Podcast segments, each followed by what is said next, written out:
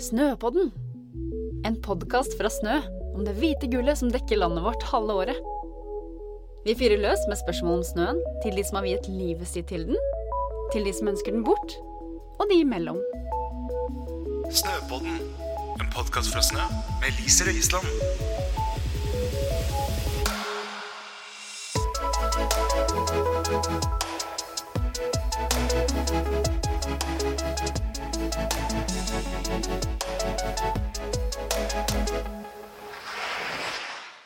Velkommen til fjerde episode av Snøpodden. Dagens gjest er Nils Nilsen. Nils er en norsk, internasjonalt godkjent fjellfører som tar med alt fra mannen i gata til kronprins Haakon, bokstavelig talt, på krevende og mindre krevende turer og kurs i fjellet hele året, både i Norge og i Alpene. Nils er også klatrer og et uh, kondisjonsfenomen. Velkommen til Snøpodden, Nils. Takk for det. Det her kondisjonsfenomen-uttrykket har jeg hørt nevnt noen ganger, og jeg tror det, det Jeg vet ikke helt om det stemmer, men, men um, ja, jeg kan jo Så lenge den, en sånn myte lever om deg selv, så skal du kanskje bare være glad for det. Det er jo en ganske bra Ja, det er en ganske bra myte, men er det en myte? Nei, jeg vet ikke. Det er kanskje mm, Jeg tror ikke jeg er noe fenomen på noen annen måte enn at jeg har gjort noen turer som ikke så mange andre har prøvd å gjøre. Eh, og at jeg har noen forutsetninger for å gjøre de som ikke nødvendigvis bare går på kondisjon. Som gjør at, at det kanskje har blitt sånn kondisjonsfenomen har blitt et uttrykk ut av det. Men eh, nei, jeg vet ikke helt om det er helt riktig. Nei, øh, det kan jo hende at det ikke er riktig. Men siden noen eh, velger å kalle det det, så må det jo være noe i det. Men når du sier at, at det kan hende at det ikke nødvendigvis er bare pga. kondisjon, men andre ting òg, hva, hva tenker du på da? Um, nei, det er jo fordi jeg har, vært, jeg har vært veldig mye til fjells, og de her eh, turene som det kanskje har vært snakk om, som jeg har gjort sånn relativt raskt, har vært i krevende fjellterreng, og, og altså det er mange, mange kondisjonsutøvere som kunne ha gjort den kondisjonsbiten av det mye raskere, men fordi jeg har vært eh, i løpet av mange, mange år, sommer og vinter, i mye eh, krevende terreng, så har det vel det gjort at jeg kan gjennomføre de her turene som eh, på ski eller på klatring, klyving, eh, relativt raskt, da. Så, og så er det kanskje ikke så veldig mange andre som har prøvd å gjøre det veldig raskt, så da, da fremstår det veldig raskt. Er det sånn når du skal velge deg sånn OK, nå skal jeg Litt sånn når du gikk den uh, Hva heter det fjellet, det uh, Skagastølstien? Ja, en sånn skagastørrelse i ryggen.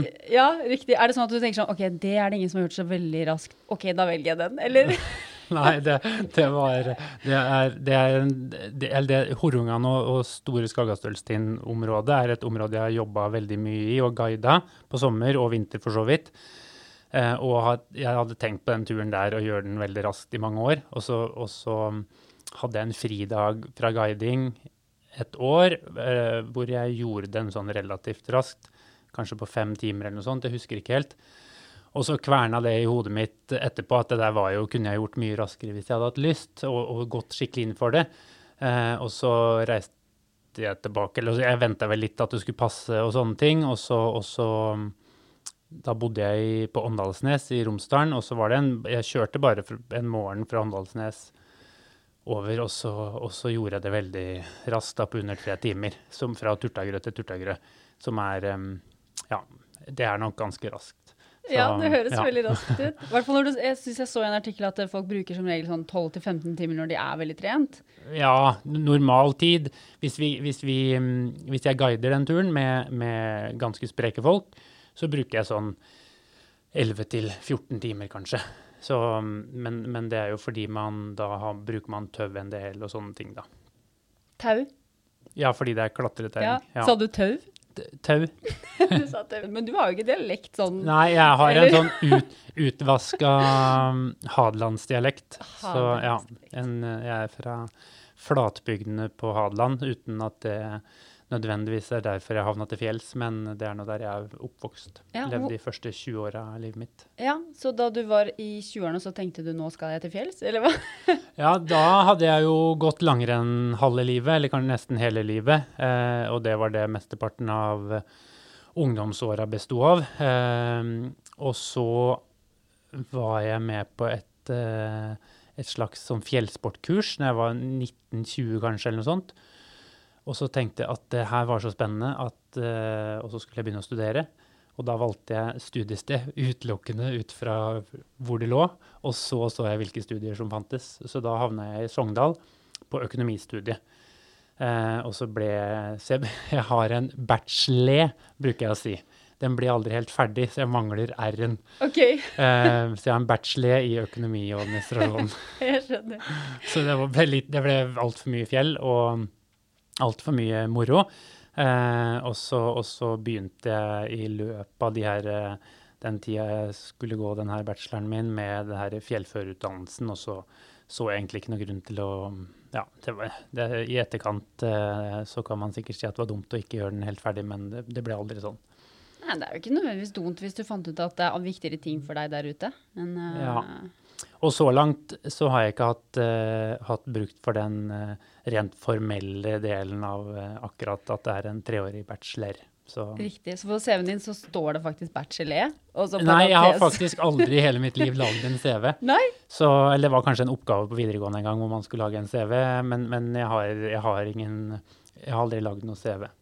Så um, det har jeg heldigvis Eller heldigvis. Jeg har klart meg uten. Ja, men det er kanskje litt fordi man velger et yrke som er sin lidenskap, så må du bare bli god i det naturlige, og så trenger du ikke egentlig å bevise noe skole, skolegang på det sånn sett, eller? Nei, det er jo et eh, Altså, den, det fjellføreryrket er jo et praktisk yrke som som eh, og, og det er en ganske liten bransje i Norge, så man, man blir kjent med det, det, Man kjenner stort sett veldig mange av de andre aktørene, og så jobber man litt for hverandre også.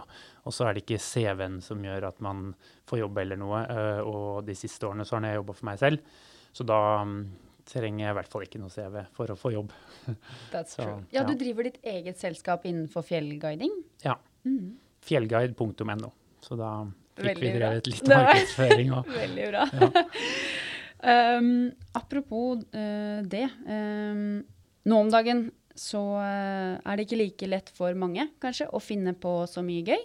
Uh, og litt, da er det jo litt spesielt gøy å ha deg her på Snøpånd i dag, fordi du har vært mye på tur, og jeg tror du gjør mye gøy. Det ser i hvert fall sånn ut. Eh, og jeg tenker kanskje at det er mange der ute som gjerne ville fått litt tips på både kanskje litt hvor, og også litt tips om hvordan, hvis man skulle bite seg ut på å begynne å gå litt mer turer eh, til fjells, f.eks. Litt sånn også type om sommerferien nå er det ikke sikkert at vi kan reise til utlandet som før. Eh, kanskje oppleve Norge litt mer. Hvor, hvor bør man begynne? Hva bør man tenke på? Um, nei, jeg vet ikke. Jeg tror det første man i hvert fall kan tenke at det er ikke noe nederlag å bare i hermetegn skulle reise i Norge. Uh, og jeg har, vært, jeg har bodd en del år i Alpene og reist mange steder ellers i verden for å klatre. Og når jeg blir spurt om hva som er den fineste turen, eller noe sånt, så det er aldri sånn at jeg sier at det var den turen som er lengst borte, eller det høyeste fjellet jeg har vært på, eller noe sånt. For, fordi det kan like så godt være den derre turen som ble litt sånn impulsbestemt, og som gikk eh, bare man reiste av gårde og så gjorde på en helg eller noe sånt i Norge.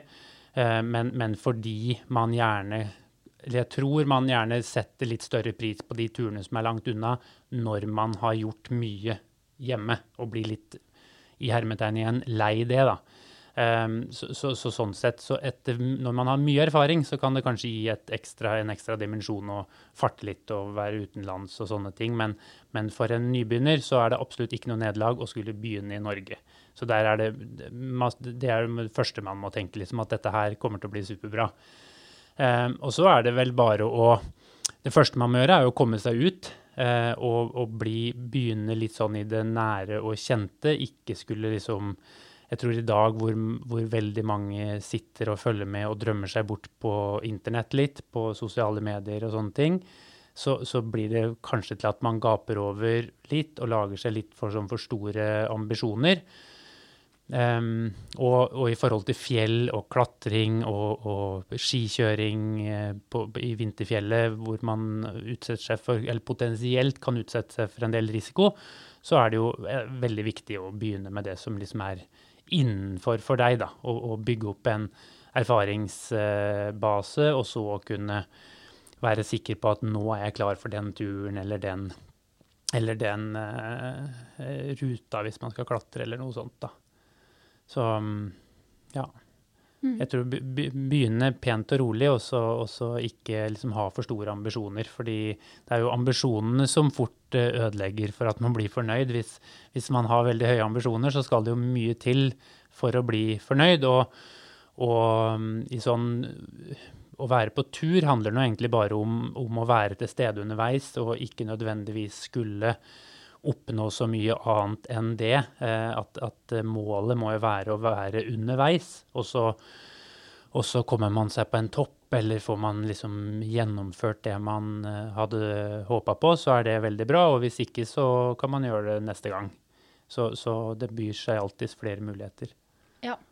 Jeg tror det er et veldig godt eh, tips, det å fokusere mer på å nyte det underveis enn å eh, måtte nå til, til toppen, kanskje litt sånn en topp man kanskje ikke burde prøve å nå bare for å ta det bildet. Ja, Ja. Utstyr. Jeg ser du nevner en del om det på, på nett. Det er my- mye info der ute om hva man bør ha med, men hva er på en måte, hvilke ting er det du minimum tar med deg når du skal eh, ut på tur? På en vintertur eller sommertur, tenker du? Ja, Vi kan begynne med vinter. Ja. På, på hvis man skal på, en, på det som jeg holder på med, da holdt jeg på å si mest, er alpine skiturer i vinterfjellet, da, så på det som populært kalles randonee, um, så er det jo viktig å ha et eh, eller relativt lett skiutstyr som, som er lagd for både å gå og kjøre med. Um, man får gode kombinasjonsutstyr som, lagd, som funker i bakke og som funker å gå med, og det er kanskje det viktigste å ha for en som eh, er litt nybegynner og skal prøve litt begge deler. uh, og ha veldig lett eller veldig tungt utstyr uh, for, som er mer kjøreorientert, det er ikke noe poeng da. De, de aller fleste kan ha det veldig gøy med, med et sånn standardutstyr. Um, så er det jo ski, sko og bindinger selvfølgelig på skiene og staver. Uh, og så må man jo ha med seg en del viktige ting i sekken uh, idet man skal begi seg bort fra skibakkene og, og mm, skulle kunne være selvberga da, hvis noe skulle skje. Uh, og det er jo, mm, om jeg prøver å ikke glemme noe her, da, men da er det jo skredutstyr i hvert fall, er en viktig ting. Det er jo blitt en viktig ting i dag. For 20-30 år siden så hadde jo ikke folk med seg sendemottaker og spade og søkstang kanskje når de var til fjells, fordi man oppsøkte en helt annen type fjell. Eh, man, gikk, man gikk på kanskje fra hytte til hytte på fjellski i Jotunheimen eh, og hadde med en spade bare for å grave, grave seg en fin levegg eh, hvis man skulle sitte i sola og kose seg. Mens, Med Kvikk Lunsj. ja, så, så Kvikk Lunsjen må også med. Men, neida, men, men, men i dag hvor vi Mye av målsetningen med å gå på tur er jo å ha det gøy når vi kjører ned igjen, og, og da oppsøker vi jo kanskje litt brattere terreng. Eh, man kan fint ha det veldig gøy på tur også i helt trygt terreng, men, men eh, hvis man skulle rote seg bort i bratt terreng og det skulle skje noe i forhold til skred, så, så sender mottaker spade søkstang må være med. Og vindsekk, sånn at man kan pakke seg inn hvis noe skulle skje. Eh, hvis man har en ganske sånn enkel ulykke til fjells, så, så nedkjøling er jo det største problemet i vinterfjellet. Eh, og da godt med klær og en vindsekk som man kan pakke seg ned og, og unngå nedkjøling er viktig. Og mat og drikke og godt med klær. Det er ikke så mye mer avansert enn det. Hva er en vind...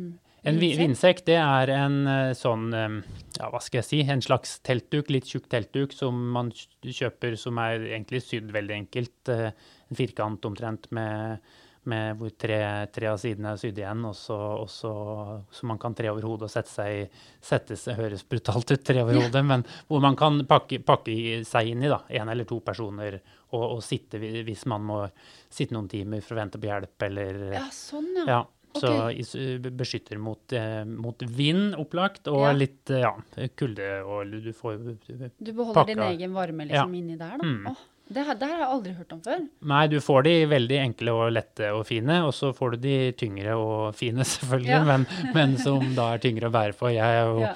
en veldig sånn tilhenger av lettest mulig utstyr, så ja. Ja. Men, men det er i hvert fall um, jeg har ikke Jeg har heldigvis aldri sluppet, eller jeg har sluppet å bli skada selv til fjells, men jeg har sett det noen ganger, hvor fort man blir nedkjølt eh, når man blir immobilisert. Da. Eh, og det kan være en ganske sånn liten og enkel skade som gjør at du ikke kommer deg noe sted. Et, ødela en brikka fot eller eh, noe sånt. Som, så, så det er eh, viktig å kunne ta vare på, konservere den varmen du har, og helst ikke bli nedkjølt. da. Det er et veldig godt tips. Det har jeg faktisk ikke tenkt på at man bør ha med. Eh, Men randonee, sa du. Er det Kan du fortelle hva det er for de som ikke vet hva det er? Ja, randonee er jo egentlig bare et fransk ord som betyr tur. Eh, så så i, i Frankrike så snakker de om, hvis de snakker om at de skal på randonee-tur, så skal de på fottur, egentlig. Eh, og, og de sier ski de randonee, for alp, eller skitur på vinteren, da. Eh, i, I Norge så snakker vi om, hvis vi snakker om skitur her på Østlandet, så skal man jo på langrennstur. Eh, mens eh, hvis man er på Vestlandet og skal på skitur, så skal man som regel på topptur, som det også kalles da på norsk. Eh, Eh, Men randonee-utstyr er jo da, eller toppturutstyr er jo utstyr som er lagd mer for å gå oppover og kjøre ned på. Mens det tradisjonelle norske sånn fjellskiutstyret er jo lagd for i større grad å gå bortover med. Eh, ikke så godt å gå oppover eller å kjøre nedover med. Mens, mens eh, det her toppturutstyret er jo mer som et alpinutstyr, som, eh, men, men hvor du kan ha løs hæl og gå oppover på feller. Eh, og så feste hælen og kjøre ned igjen eh, med tilnærma alpinutstyr. da. Høres kjempegøy ut. Det der har jeg aldri gjort. Nei, det bør du absolutt eh, prøve hvis du, hvis du er glad i å stå på ski, i hvert fall å være ute i vinterfjellet. Så er det veldig, veldig det er en aktivitet som tar deg til utrolig fine steder potensielt, og, og kan gi veldig morsomme opplevelser da, med god, hvis, hvis det er god ski, skikjøring. Så det er, um, det er de fleste som prøver det, blir ganske forelska i det. Ja, det vil jeg tro. Hva syns du er mest gøy, da? Å klatre og gå på og en sånn randonee-tur, f.eks.?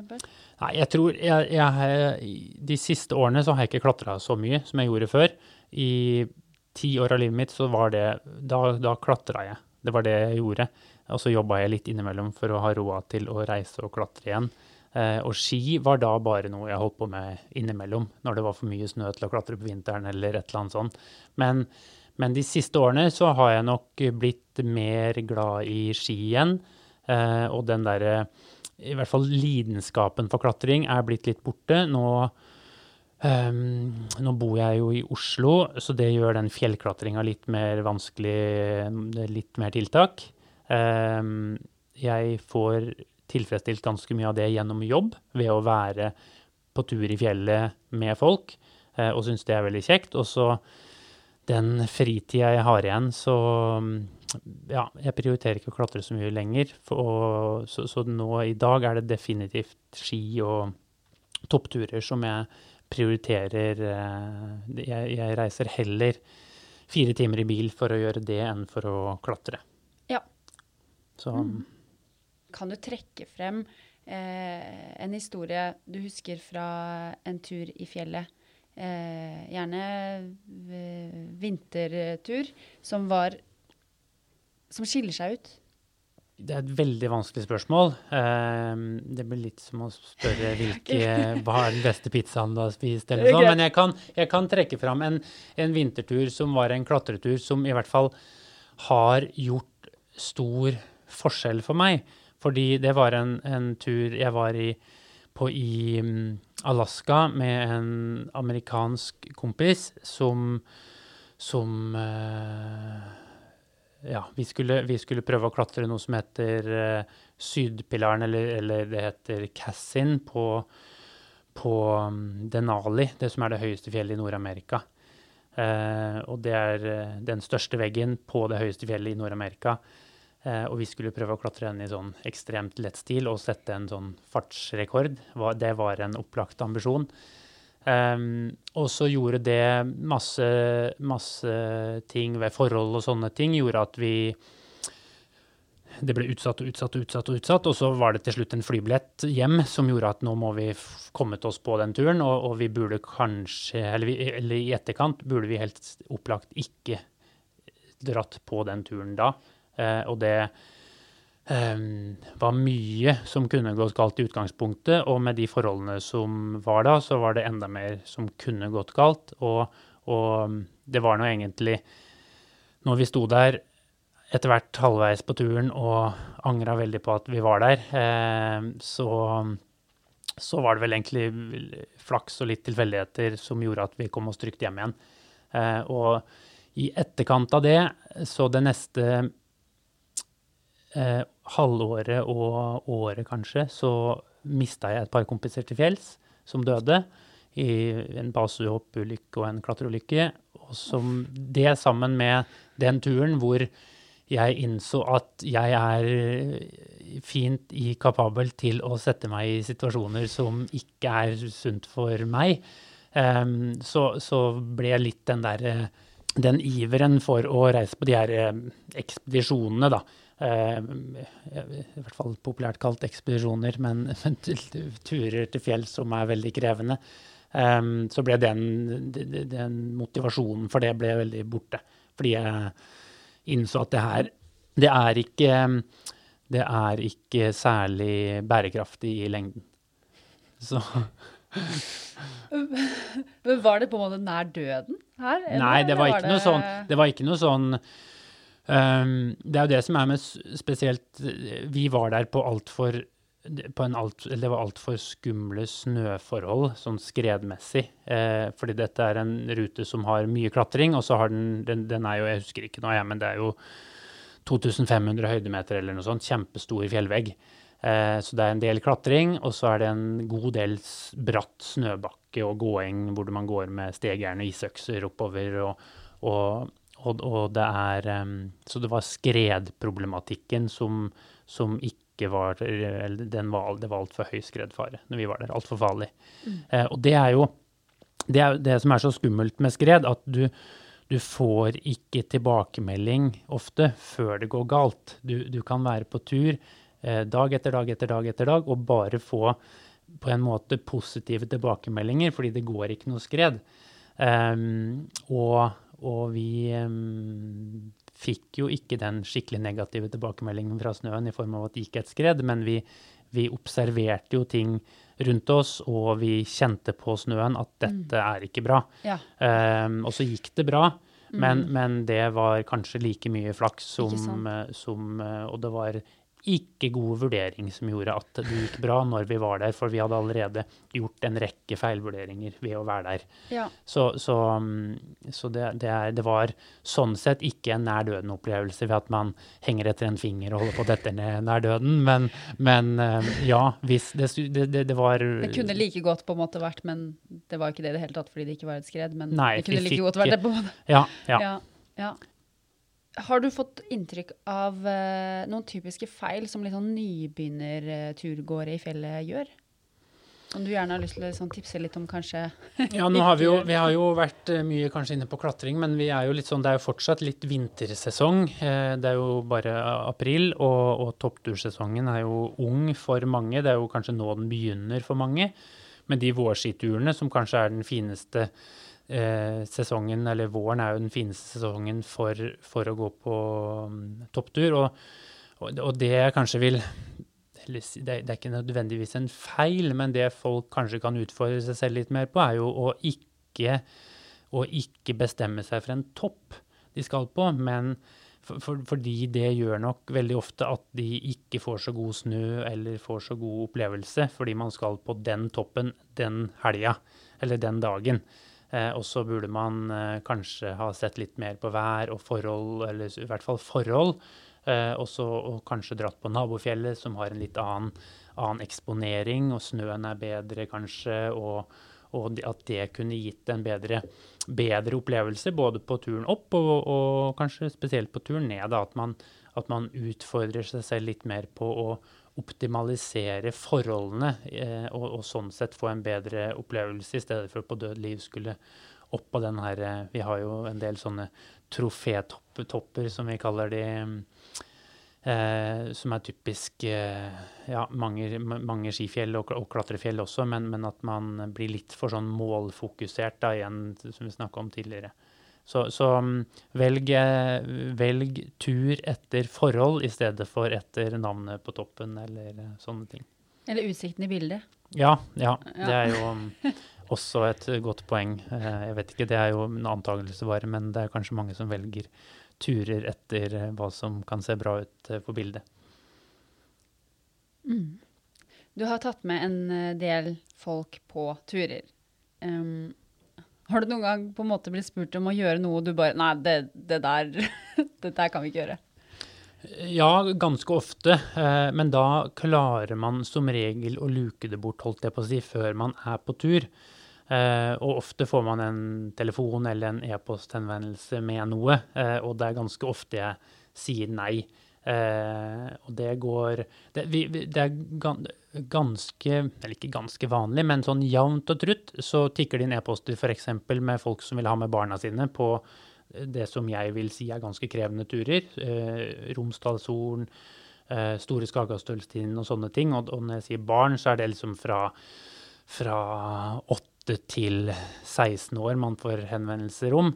Eh, og, og jeg bruker nå å si at man må i hvert fall være 16 år for å Eller i hvert fall hvis jeg skal ha de med på, på Store Skagastølstind, eh, og helst 18. Eh, men men jeg tenker Og da sier jeg bare nei. For, eller jeg, sier, jeg sier ikke bare nei, jeg sier hvorfor jeg sier nei også. Men, men det tenker jeg at barn har ikke samme forutsetninger som oss voksne til å forstå risiko og forstå hva de utsetter seg for.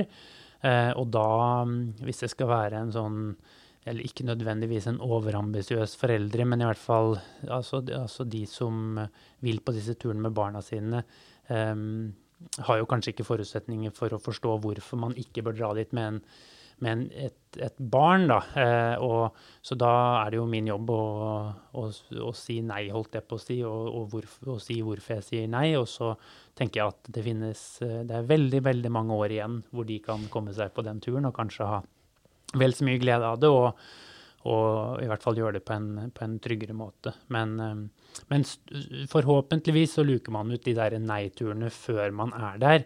Men, men så hender det også man står i en situasjon hvor, hvor, hvor jeg mener at uh, nå må vi snu, mens hvor deltakerne mener at nei, dette, vi vil på den toppen. Uh, og det er spesielt vanskelig på, på, i forhold til snø- og skredproblematikk, fordi du har jo kanskje ikke fått noe, noe nei enda da, fra naturen, holdt jeg på å si, i form av at det har gått noe skred. Men, men det er en magefølelse, og det er masse vurderinger som jeg og kollegene mine går og gjør underveis på en tur, som, som vi, vi prøver å formidle det til deltakerne hele tiden, men, men det er ikke alltid så lett, og i hvert fall ikke den der magefølelsen. Um, og jeg tenker at det er veldig mye bedre å snu mange ganger for mye enn én gang for lite. Uh, og da er det, det er, blir av og til litt sånn kleine og kjipe situasjoner, for du står der, og, og de har jo betalt deg for å, for, å, for å få deg opp på den toppen, og så står du der, det er strålende sol, Ja. og, og snøen er til- tilsynelatende kjempegod å kjøre i, i hvert fall. Eh, og, så, er du liksom den derre partykilleren. Eh. men, men, men da bruker jeg nå til slutt å si at liksom, de- dere har først og fremst betalt meg for å komme ned igjen, for å komme trygt ned igjen. Det er hovedjobben min. Eh, og så skal vi gjøre det vi rekker underveis og har mulighet til underveis. Men, men eh, ja, det har vært noen kjipe situasjoner der. Og, og, mm, men det, det var flere av de før, når man var jeg var yngre og kanskje hadde litt sånn mindre pondus Ja. på å tørre å si nei og stå imot det derre presset da, som det kan Ja. være. ikke sant? Du er kanskje 25 år eh, og står der med en gjeng eh, en gjeng Det høres veldig ille ut, men en gjeng jurister eh, i 50-åra som er veldig flinke til å argumentere for, for seg. Eh, og, og da liksom skulle det, det krever veldig mye. Eh, og da tørre å si nei, og da klarte jeg ikke alltid å si nei. Nå er jeg eh, jeg vet ikke om jeg alltid klarer å si nei nå. Jeg, man havner jo av og til i en situasjon hvor man tenker at her burde vi kanskje ikke vært, og så må man trekke i håndbrekk og, og komme seg ned. Men, men det er veldig, veldig mye færre av det nå enn det var før, og, og, og veldig sjelden. Så er, jeg, jeg, er liksom opptatt av at jeg skal kunne sove godt både natta før og natta etter, etter en tur, da. Og, og liksom ikke det, det, det jeg gjør på jobb, skal ha veldig lav risiko. Ja. Nå som eh, vårsesongen eh, for topptur eh, begynner, eller er i gang, egentlig, eh, og, hvis, eh, og hvis det blir mulig å reise mer etter hvert nå fremover, eh, hvilke områder vil du anbefale? Nei, for, for eh, skiturer nå fremover Den, den fineste tida kom, er jo kanskje fortsatt foran oss, forhåpentligvis, litt avhengig av været og sånn, men, men slutt siste delen av april og mai og, og til og med ut i juni, så kan det jo være veldig, veldig fint å gå på toppturer. Og da er det jo Det er jo for oss som bor på Østlandet, så er det jo Det, det nærmeste er jo kanskje Gaustatoppen og Hemsedal. Det, der er det, Gaustatoppen er det jo ett fjell, da, og, og ikke så mye å spille på for så vidt. Men Hemsedal har jo veldig mye eh, om, eller mye topper med, med forskjellig vanskelighetsgrad og forskjellig lengde og sånne ting. Og etter hvert som, som det blir mer og mer vårlig og snøgrensa stiger, eh, så må man liksom etter hvert til Jotunheimen. Og da er jo Valdresflya, nå, nå er den eh, åpna, så man kan kjøre opp til Beitostølen og, og opp på Valdresflya, gå på 2000-meterstoppene der. Eh, Vest-Jotunheimen er veldig fine. Eller vest, der er det veldig fint. Og, og litt mer krevende, kanskje. Man har litt mer breer og sånne ting, så man må ha kanskje litt mer erfaring i forhold til, til det. Eller, eller man kan leie guide. Det går også an. Sant? Eh, så, så men, men i hvert fall så må man etter hvert litt høyere til fjells, da. Og da er det Jotunheimen som er, som er eh, sånn mai-destinasjonen ofte. Eh, og jeg skal til Romsdalen og være der en periode, og der er det jo fortsatt så man kan gå ski fra ganske lavt. Og så, og så åpner jo Trollstigen der, hvor man kan etter hvert parkere bilen på 800 meter over havet. Og der kan man om ikke gå på ski alle månedene i året, så er det ikke så langt unna. Så, så når veien over Trollstigen åpner sånn normalt i, rundt midten av uh, mai, så er det i hvert fall godt skiføre ofte en måned til, til der. Så, um, så det er fine områder nå fremover. Nice. Masse gode ideer, da. Jeg, Ja, det er masse å ta av. Jeg har ikke vært på noen av de. Nei, der ser du. Da har du mye å glede deg til. Ja, absolutt. men, og jeg har jo vært på alle disse stedene, men jeg gleder meg også veldig. du gjør det. Så ja. Hvis, eh, hvis jeg skulle dratt på, på tur i fjellet, og jeg skulle hatt med meg min bikkje eh, hvis, jeg, hvis jeg skulle hatt med meg hunden min på tur Det er en Staffordshire Bull Terrier. Jeg vet ikke om du vet den er litt sånn Nei, men hvis det, hvis det er terrier, så ser jeg kanskje litt for meg mellomstor, veldig sterk, ligner på en sånn eh, American pitbull. Okay. Bare lav, på en måte. Men kjempesnill, altså. Men, men, og hun er sånn Jeg jogger med henne om morgenen, men hun har ikke noe sånn veldig sånn mange timers aktivitet av gangen, liksom. Men hvis jeg skulle tatt med hun på en fjelltur, da? Er det, tror eller er det kanskje noe det ikke høres kanskje mer ut som en hund, hund for sommertur Ja. eh, enn en vintertur. Men jeg tenker jo, det er jo igjen det der med å prøve seg litt frem, da. Og se, se kanskje hva, hva Hvor lange turer og sånn som de trives med. Så, så ja, begynn med det nære og kjente. Og så er det jo det er ofte sånn, det er ofte dumt å gå det er, jo, det er jo litt sånn både med barn sikkert, og med hunder, og med kanskje hvis man ikke er så erfaren, å legge opp til en tur som er fra A til B f.eks., eller at man skal gå til et punkt og snu og snu og gå tilbake. fordi hvis du er på det punktet og er fryktelig sliten, eh, endepunktet, holdt jeg på å si, eller ytterst eh, lengst bort fra, fra bilen, så er det jo fryktelig langt hjem ofte. Sånn at man, man eh, Og sammen med en tur fra A til B, hvor man liksom er halv, når man er halvveis, så er det like langt eh, begge veier. Så, så hvis man er litt sånn usikker på det, ikke legge opp til for lange turer, og, og kanskje gå, går man en tur i Østmarka eller i Nordmarka eller noe sånt, så går det an å gå litt sånne runder og, og mm, trenger ikke å gå akkurat samme runden selvfølgelig to ganger, men at man ikke trenger å være så langt um, hjemmefra da, eller fra bilen, eller Mm. så er det litt lettere å bryte av hvis man blir veldig sliten, eller, ja, eller, eller de man er på tur med, hunden, eh, blir lei. Hun, ja, hun har så mye energi at jeg, jeg klarer liksom ikke å se for meg at hun noen gang blir sliten. Nei, ok. Nei, men da er det kanskje eieren eh, som er utfordrer, som er Det er sant. Um, for de som er uh, nybegynnere og vil ut på, ut på tur, um, Hva er det viktige å planlegge da i forkant?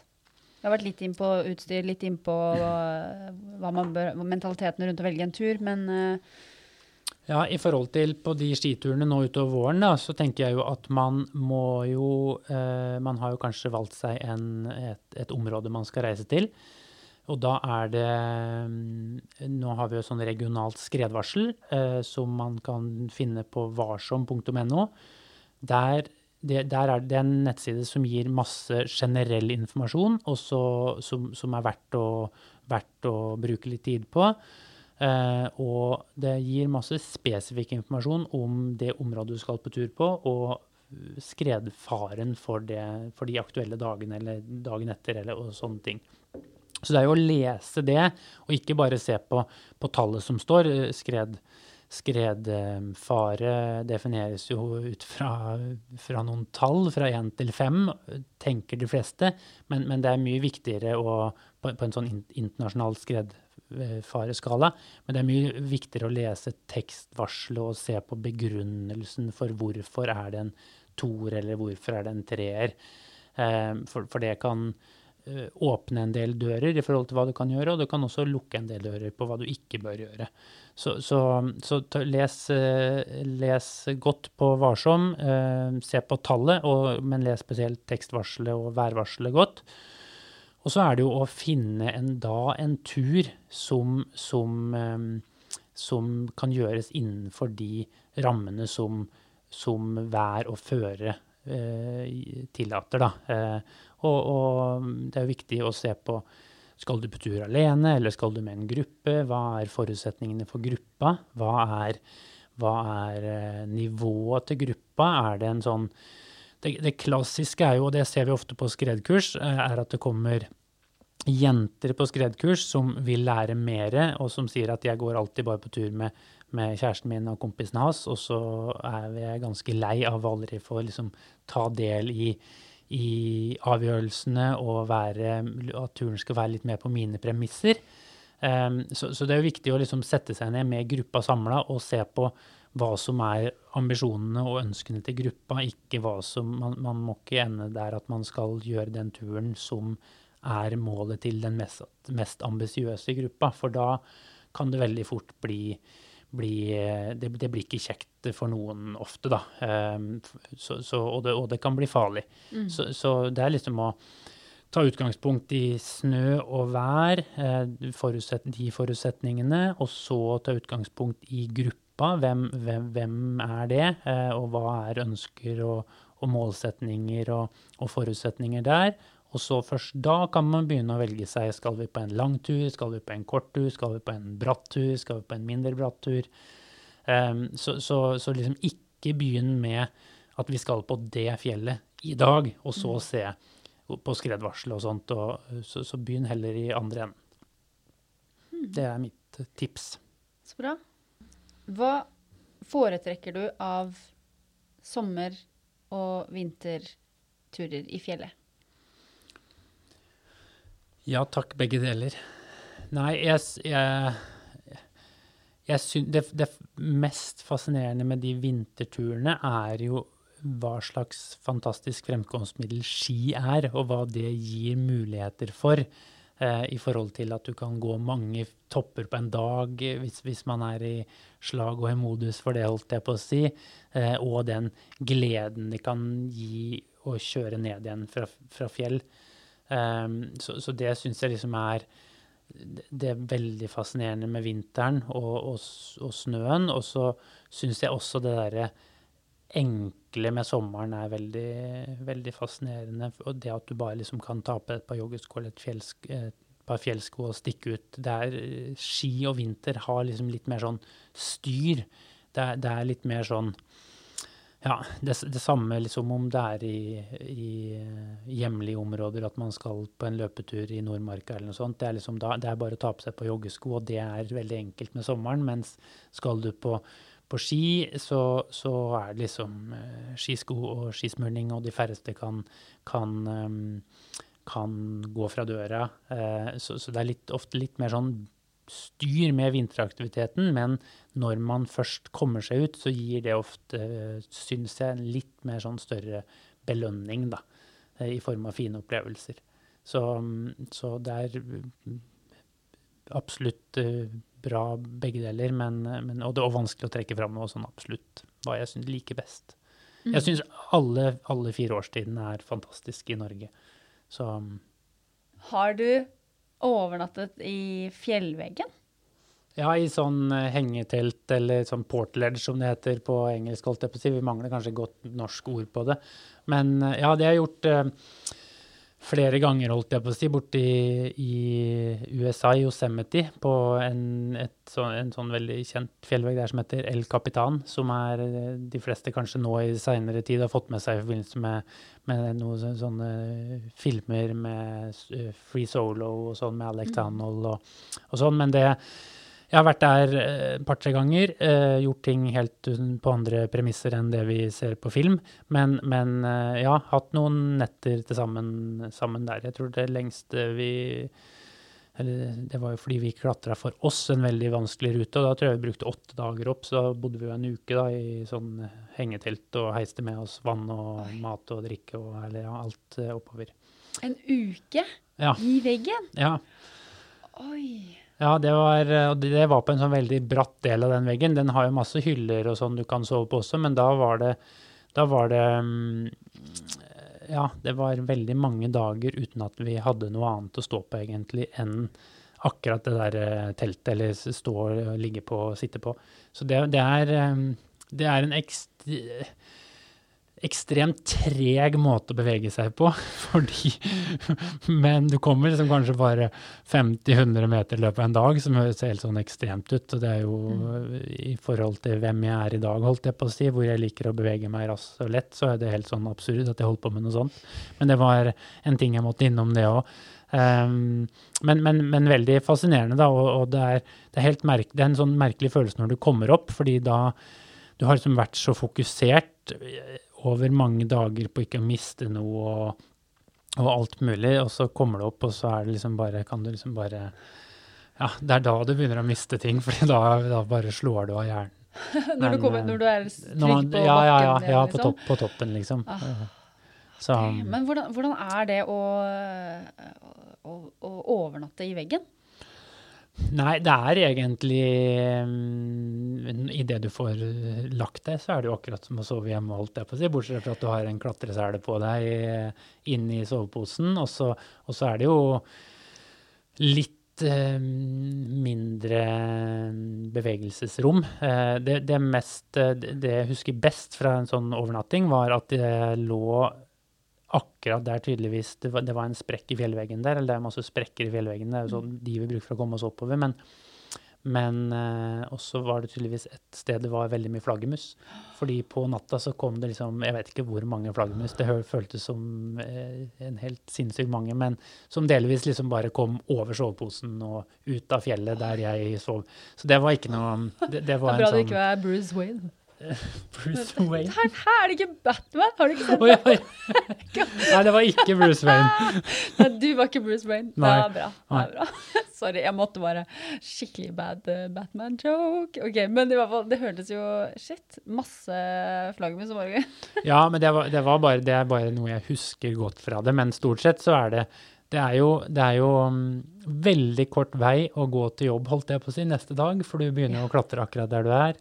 Eh, og, men det er, jo, det er jo mye styr med det. da. Du må jo heise med deg vann. Og, og i hvert fall dette er jo California, og man er der på en tid hvor det er mye fint vær. På, Ja, hvor på- mange grader var det da dere var Nei, der? det husker jeg ikke, men den der fjellveggen er i hvert fall sydvendt, så det, blir, det er liksom shorts og T-skjorte Ja.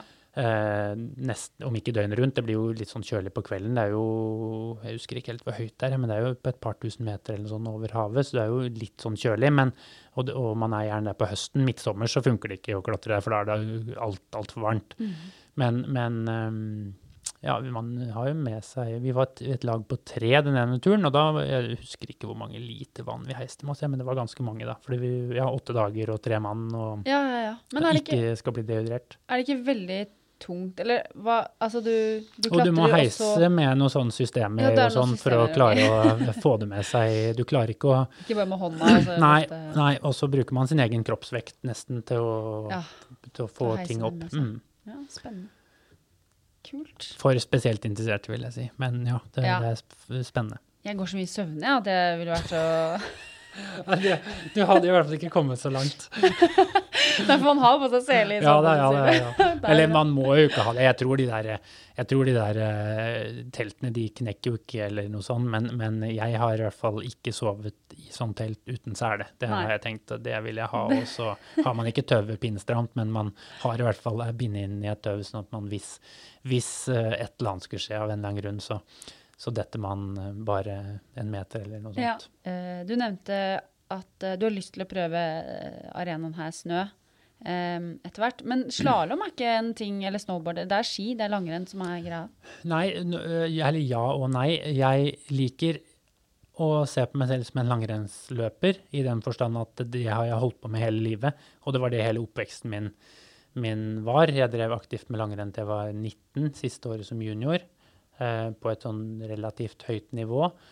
Um, og så ble det jo mer sånn fjell etter hvert, Uh, og og topptur får man jo ikke gått på her inne på snø, uh, men man kan jo ha, kjøre på ski, og, og jeg koser meg med det.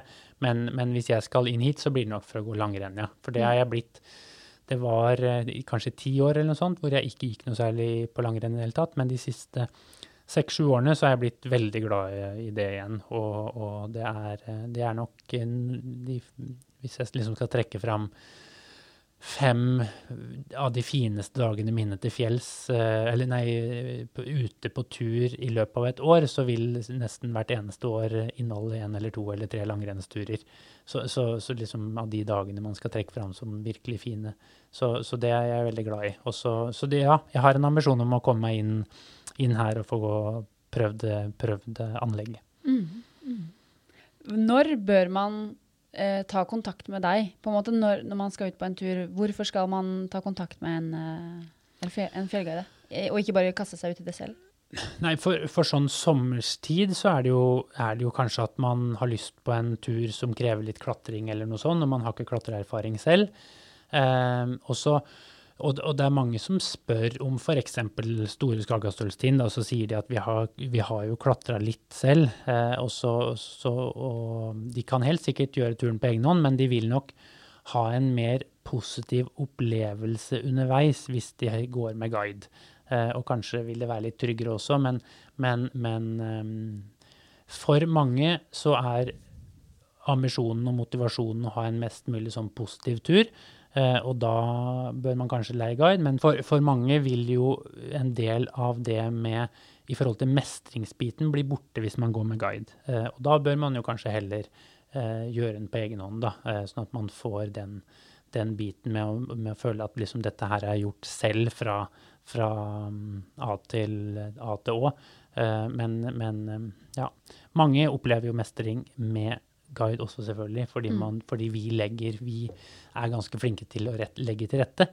Eller det er jo det som er jobben vår. Så, så ja, det er eh, og på, og på skiturer så tror jeg de fleste vil kunne få noe ut av å gå med guide. Vi legger opp turen etter, etter eh, deltakernes eh, forutsetninger og ønsker, og, og prøver så godt vi kan å legge opp til litt læring underveis og, og sånne ting. Og, og både på kurs og føring så tror jeg de fleste kunne få noe ut av det.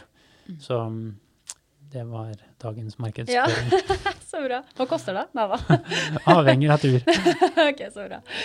Ja, takk for at dere hørte på Snøpodden, og takk for kjempebra tips i dag, Nils. Og takk for at du kom på Snøpodden. Takk for at dere fikk være med.